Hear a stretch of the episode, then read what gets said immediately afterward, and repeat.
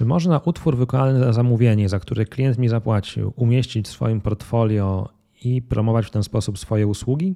Ja nazywam się Wojciech Wawrzak, jestem radcą prawnym, autorem bloga prakreacja.pl i w tym krótkim filmie postaram się nakreślić ten temat związany z wykorzystywaniem utworów w portfolio.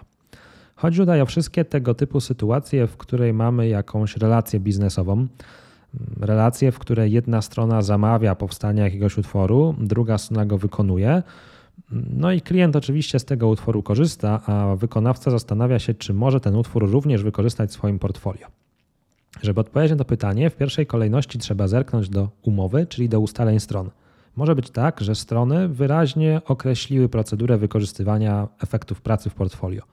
No jest to oczywiście ten stan idealny, stan, do którego ja zawsze doradzając klientom dążę, żebyśmy w naszej umowie przewidzieli, jak to będzie z tym portfolio. Jeżeli takich postanowień w umowie nie ma i nie jesteśmy również z innych ustaleń stron tego wydedukować, no to trzeba pójść w jakąś ścieżkę argumentacji. Żeby jakąś ścieżkę argumentacji ukuć, to trzeba w pierwszej kolejności zerknąć, czy umowa przewiduje przeniesienie praw autorskich.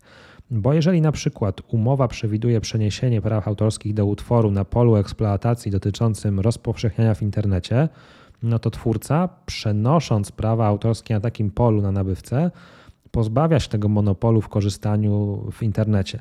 Teraz to nabywca praw autorskich może korzystać z tego utworu w internecie, ma w tym zakresie wyłączność, bo ma w tym zakresie prawa autorskie majątkowe. Więc jeżeli twórca sam zacznie korzystać w internecie, to naruszy prawa autorskie, które przysługują w tej chwili nabywcy. W związku z tym, jeżeli umowa przewiduje przeniesienie autorskich praw majątkowych, warto wprost w tej umowie zapisać, czy mimo tego przeniesienia praw autorskich twórca może nadal korzystać z utworu w portfolio. No a co w sytuacji, w której ta umowa milczy sobie na temat tego prawa portfolio, a jednocześnie przenosi prawa autorskie? No tutaj uważam, że jest ryzykowne korzystać z tego utworu, bo można się faktycznie spotkać z zarzutem ze strony nabywcy, że wkracza się w jego prawa autorskie. Ale jest też druga ścieżka argumentacji, druga ścieżka argumentacji, która zasadza się na autorskich prawach osobistych. No bo jak na pewno wiesz, prawa autorskie dzielą się na prawa majątkowe i prawa osobiste. No i o ile prawa majątkowe można przenieść, o tyle praw osobistych przenieść nie można. Prawa autorskie osobiste są niezbywalne, prawa autorskie zawsze przysługują twórcy, ten twórca zawsze będzie twórcą tego utworu, nieważne co by się działo. No i pośród tego prawa osobistego jest prawo do autorstwa, czyli prawo do twierdzenia, że jest się autorem.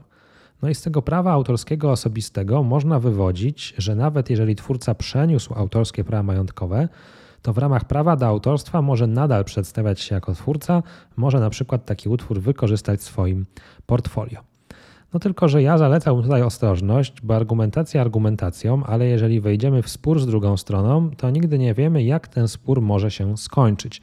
Ja jestem generalnie przeciwnikiem sporów i raczej dążeniem do takiego ugodowego załatwiania wszelkich sytuacji. W związku z tym, jeżeli umowa milczy na temat korzystania z portfolio, a jednocześnie przynosi prawa autorskie i ty jesteś tutaj twórcą, który ogląda ten materiał, no to raczej proponowałbym skontaktować się z nabywcą i zapytać, czy możesz to zrobić, bo owszem, możesz argumentować, że prawa autorskie osobiste, ale pytanie, czy taka argumentacja chwyci i czy to faktycznie spowoduje, że ten konflikt ewentualny zamawiającym zostanie rozegrany. No ale pomijając w ogóle prawa autorskie, chciałem jeszcze zwrócić Twoją uwagę na to, że często w umowie, którą zawierasz z klientem, może znajdować się klauzula poufności. No i te klauzule poufności niestety budowane są różnie. Często one powielane są z różnego rodzaju szablonów, trochę bezrefleksyjnie i często są bardzo szerokie. I może się okazać, że samo pokazanie utworu w portfolio już jest naruszeniem obowiązku poufności, bo na przykład w ramach obowiązku poufności zobowiązujesz się nie informować o współpracy z klientem. I można to sobie tak e, wyinterpretować, że jeżeli pokazujesz utwór zrobiony dla klienta, to naruszasz obowiązek poufności. Oczywiście ta klauzula poufności w ogóle może być skonstruowana jeszcze inaczej i na inne obszary mm, kłaść nacisk, ale zawsze sugeruję, żebyś zwrócił uwagę, jak ona dokładnie brzmi. Nawet jeżeli kwestia praw autorskich wydaje się w sposób klarowny w umowie rozwiązana, to warto odnieść się również do tej klauzuli poufności i sprawdzić, czy ta klauzula nie uniemożliwia wykorzystywania utworów portfolio.